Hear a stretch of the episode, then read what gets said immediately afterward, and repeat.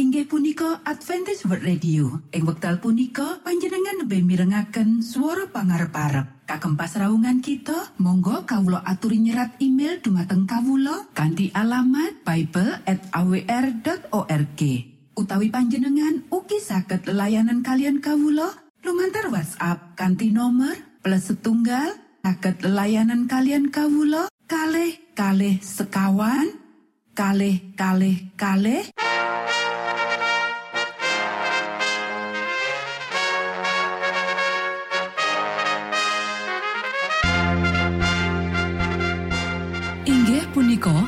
Adventist World Radio ingkang giaran kanti basa Jawi.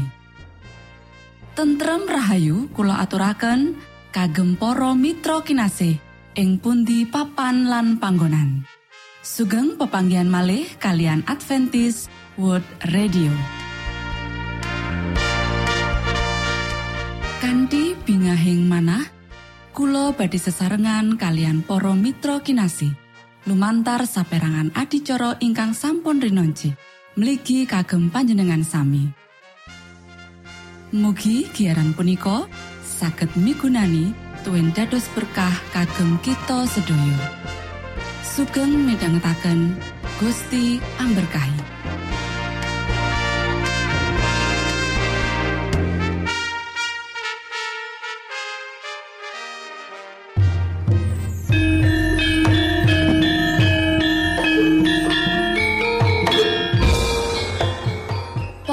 Para pamirsa kinasih ing Gusti Yesus Kristus. Ing wekdal punika kita badhe sesarengan ing adicara ruang kesehatan. Ingkang saestu migunani kagem panjenengan saha kita sami. Tips utawi pitedah ingkang dipun aturaken ing program punika tetales dawuhipun Gusti ingkang dipunnyatakaken ing kitab suci. Semanten ugi sakehing seratan ingkang dipun wangsitaken dening Gusti Allah. Nanging saderengipun monggo kita sami midhangetaken kidung pujian.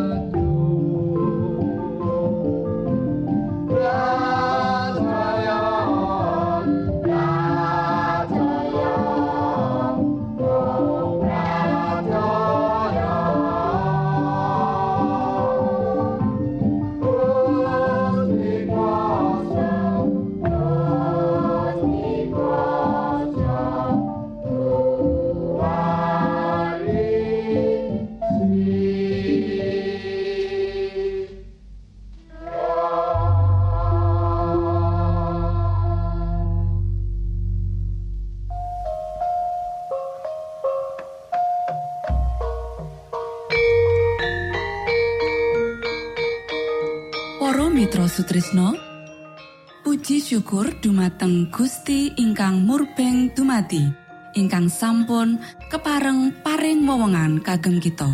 Satemah saged nglajengaken ruang kesehatan. Pirembakan kita semangke kanthi irah-irahan.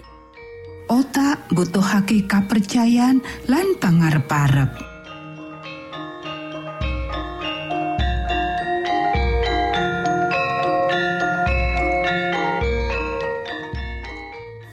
Dumateng para pamiarsa kakangsa putri ingkang dahat kinurmatan. Sugeng pepanggian malih kalian kula Isti Kurnaidi ing adicara ruang kesehatan. Dinten punika kanthi irah-irahan otak butuhake kapercayan lan pangarep-arep. Para sedherek ingkang kinasih wonten ing Gusti kesehatan kang komplit nyakup kesejahteraan psikologis lan karohanen. Kanggo njaga otak tetep becik, mula fungsi intelektual, pangrasa lan karohanen kudu dirumati. Para sedherek ingkang kinasih, ana ing pepanggian kang kapungkur, wis diaturake marang panjenengan menawa kanggo kesehatan otak, kita perlu ngendaleni babab kang mlebu ning otak lumantar indro sebab otak kanthi cara terus lumintu nampa cacah akeh banget informasi saka indro kita. Lan kang luwih utama yaiku lumantar pandulu utawa paningal lan pamirengan. Menawa informasi kang mlebu ning otak lumantar indro kualitase olo mula sakwise diproses asile uga bakal olo wis diakoni menawa nonton gambar foto adegan kang ora prayoga lan ngendorake moral mangkono uga adegan panganiaya nyebabake dadine perubahan marang otak kang jalari dadine kelakuan agresif ing perangan liya menawa indra pandulu utawa paningal digunakake kanggo nonton gambar-gambar kang positif fungsi neuron bakal luwih becik lan pikiran bisa nggayuh tingkat kang luwih dhuwur. Ora gampang ngendhaleni efek saka bab kang diproses ana otak saka informasi kang mlebu lumantar indra. Natian mangkono, mokal banget lan uga wigati kanggo ngendhaleni bab-bab kang kita ijenake mlebu lumantar indra pandulu kita, pamirengan kita, uga liwat indra kita liyane. Para sedherek ingkang kinasih, pangrasa uga kudu dirumati. Pangrasa ya iku sawijining kasantosan wigati saka pikiran lan pernah mapan ing sawetara perangene otak. Saben manungsa perlu nampa katresnan uga perlu menehi katresnan. Kanthi nindakake rong bab iki yaiku nampa lan menehi katresnan, mula pakaryan otak lan uga intelektual bakal munda. Dadi ngrawat katresnan lan ngendhalekake kanthi cara kang bener ya iku uga mujudake salah sawijining cara kanggo njaga kesehatan otak. Menawa katresnan ora dikatekake maneh utawa ora dikendhaleni maneh, mula uga bisa dadi gangguan marang keseimbangan kimiawi otak kang gampang tanggap utawa peka. Para sedherek ingkang kinasih, rasa kepercayaan lan pangarep-arep pratela ngendhek dadine fungsi otak merosot. Kanthi cara kang ora dijelentrehake dening ilmu pangerten rasa kepercayaan dan pangarep-arep kang positif kuwi nyantosake otak lan dandani fungsi otak Dadi otak iku mbutuhake pangrasa percaya lan pangrasa pangarep-arep padha kaya dene kabutuhan otak kanthi cara fisik tumrap oksigen lan glukosa. Ringkesan saka panaliten kang ditindakake dening Universitas of Texas kanggo bab iki ya iku umat pracaya kang duweni panguripan rohani kang aktif bakal duweni wektu longgar kang luwih akeh kanggo ngalih pangrasa percaya lan pangarep-arep satemah fungsi kognitif umat pracaya kang kaya iki bakal luwih becik ketahanane dibandingake karo kang tutu umat percaya. Para sedherek ingkang kinasih, saben menungso apa dheweke umat percaya utawa dudu duweni dimensi rohani jroning uripe. Ngrawat karohanen ya iku salah sawijini cara kanggo ngrumat kesehatan otak. Akeh umat percaya kang mratelakake menawa nyinaoni ayat-ayat kitab suci lan ngeningake kanthi rumasuk nulung pikirane tetep cukat lan lantip. Matur nuwun, Gusti amberkahi.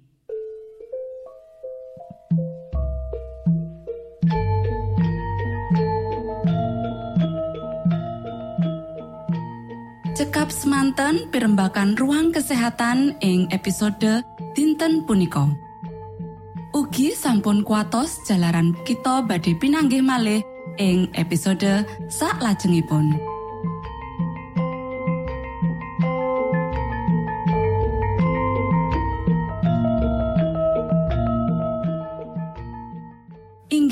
Punika adicara ruang kesehatan.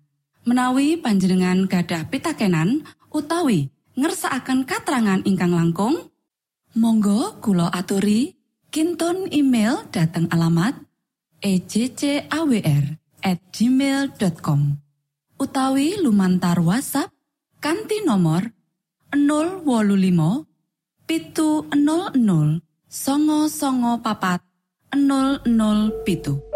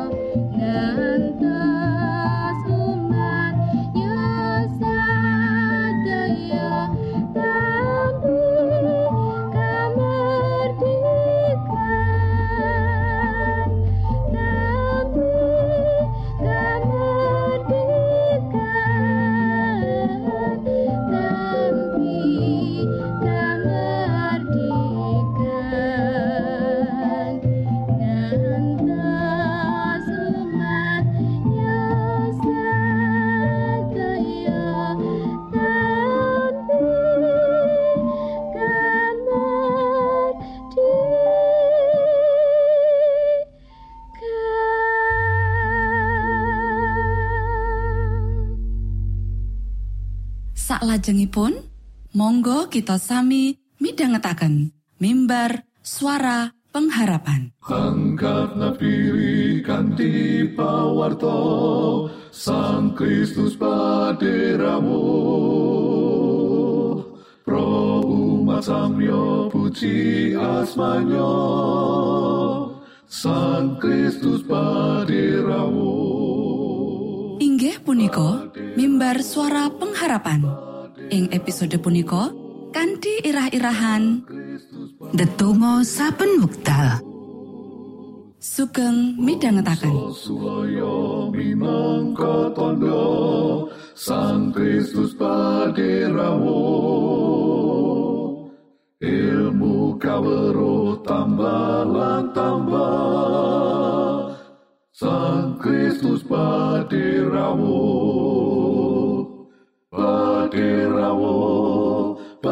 Paderamu Sang Kristus paderamu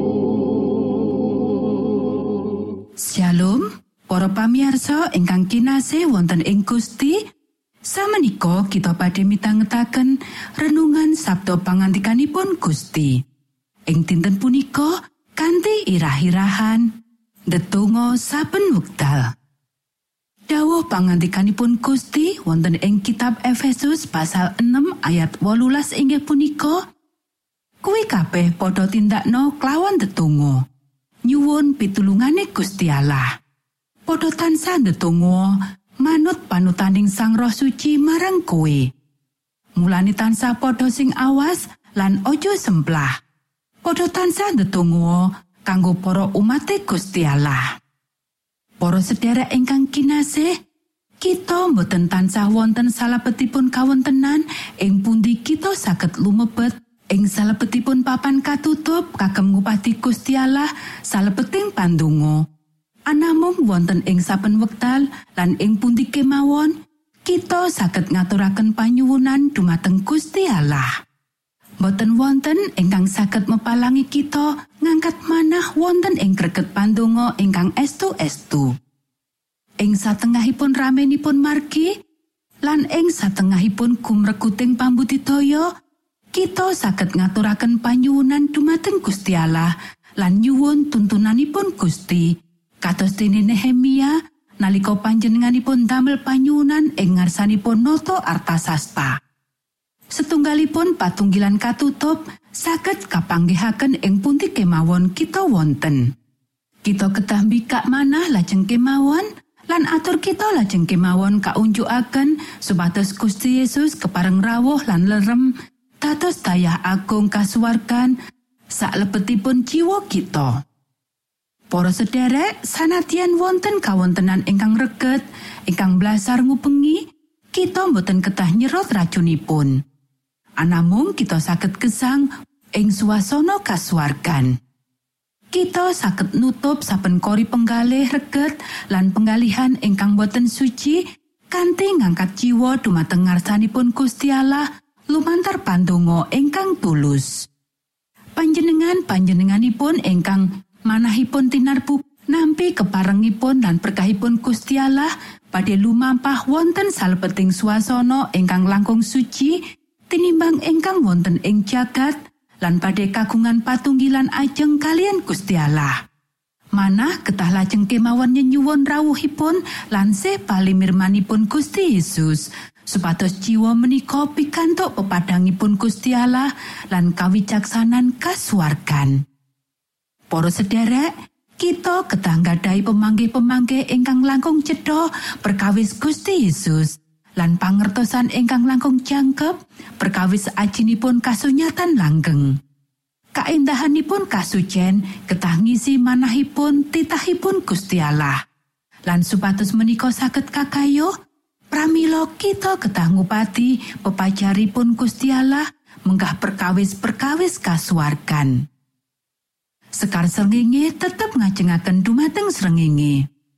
Menawi sekar menika kasingkuraken dhateng srengenge, pramila kandilanipun badhe minger ngantos ron sekaripun ngajengaken dumateng sunaripun sengenge. Dados kersanipun sedaya tiang ingkang sampun nyaosaken manahipun dumateng Gusti Allah, mengo dumateng pepadang kalersan menika lan kanthi estu-estu mirsani dumateng sunar pepadang kamulyan ingkang sumunar wonten ing pasuryanipun Gusti Yesus. Para sedherek ingkang kinasih, manungsa asring damel prasetyo namun boten netepi. Asring kita manggihaken pilih salebetipun mitatosi tiang sanes, kita sampun sumende dumateng kajeng cutung. Namun Gusti boten badhe ngucewakaken jiwa ingkang pitados dumateng panjenenganipun. Monggo kita sami ndedonga. Duh Rama kawula ingkang wonten ing swarga, asma patuko mugi kasucikaken. Kraton patuko mugi rawuh. Karso patuko mugi kalampahan wonten ing bumi kados dene wonten ing swarga. Kawula mugi kaparingan rejeki kawula sak cekapipun ing dinten punika. Soho patuko mugi ngapunten kalepatan kawula kados dene kawula inggih ngapunteni tetiang ingkang kalepatan dumateng kawula. Punapa dene kawula mugi sampun ngantos katantokaken dhateng ing panggoda nanging mugi sami patuko uwalaken saking piawon. Awit dene patuko ingkang kagungan kraton saha wisesa tuwin kamulyan salami laminipun. Amin.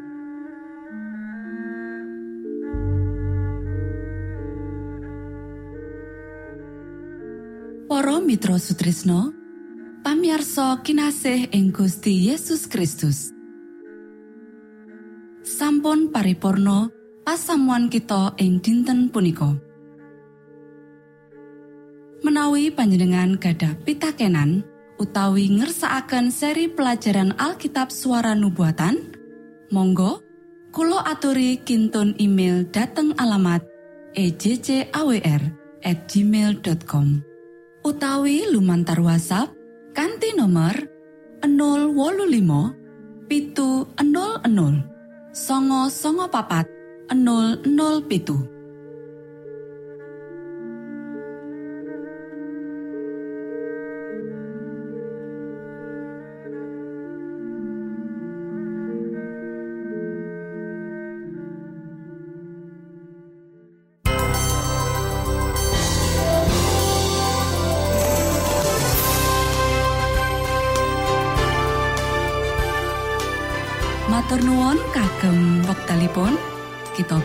pinanggih malih ing gelombang ugi wekdal ingkang sami.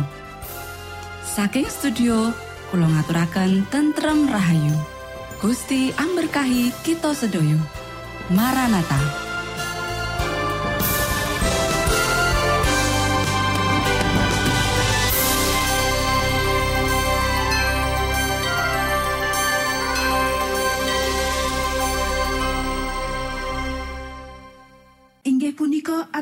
World Radio. Ing wekdal punika panjenengan lebih mirengaken suara pangarep parep. Kagem pasraungan kita, monggo kawulo aturi nyerat email dumateng kawulo kanti alamat Bible at awr.org.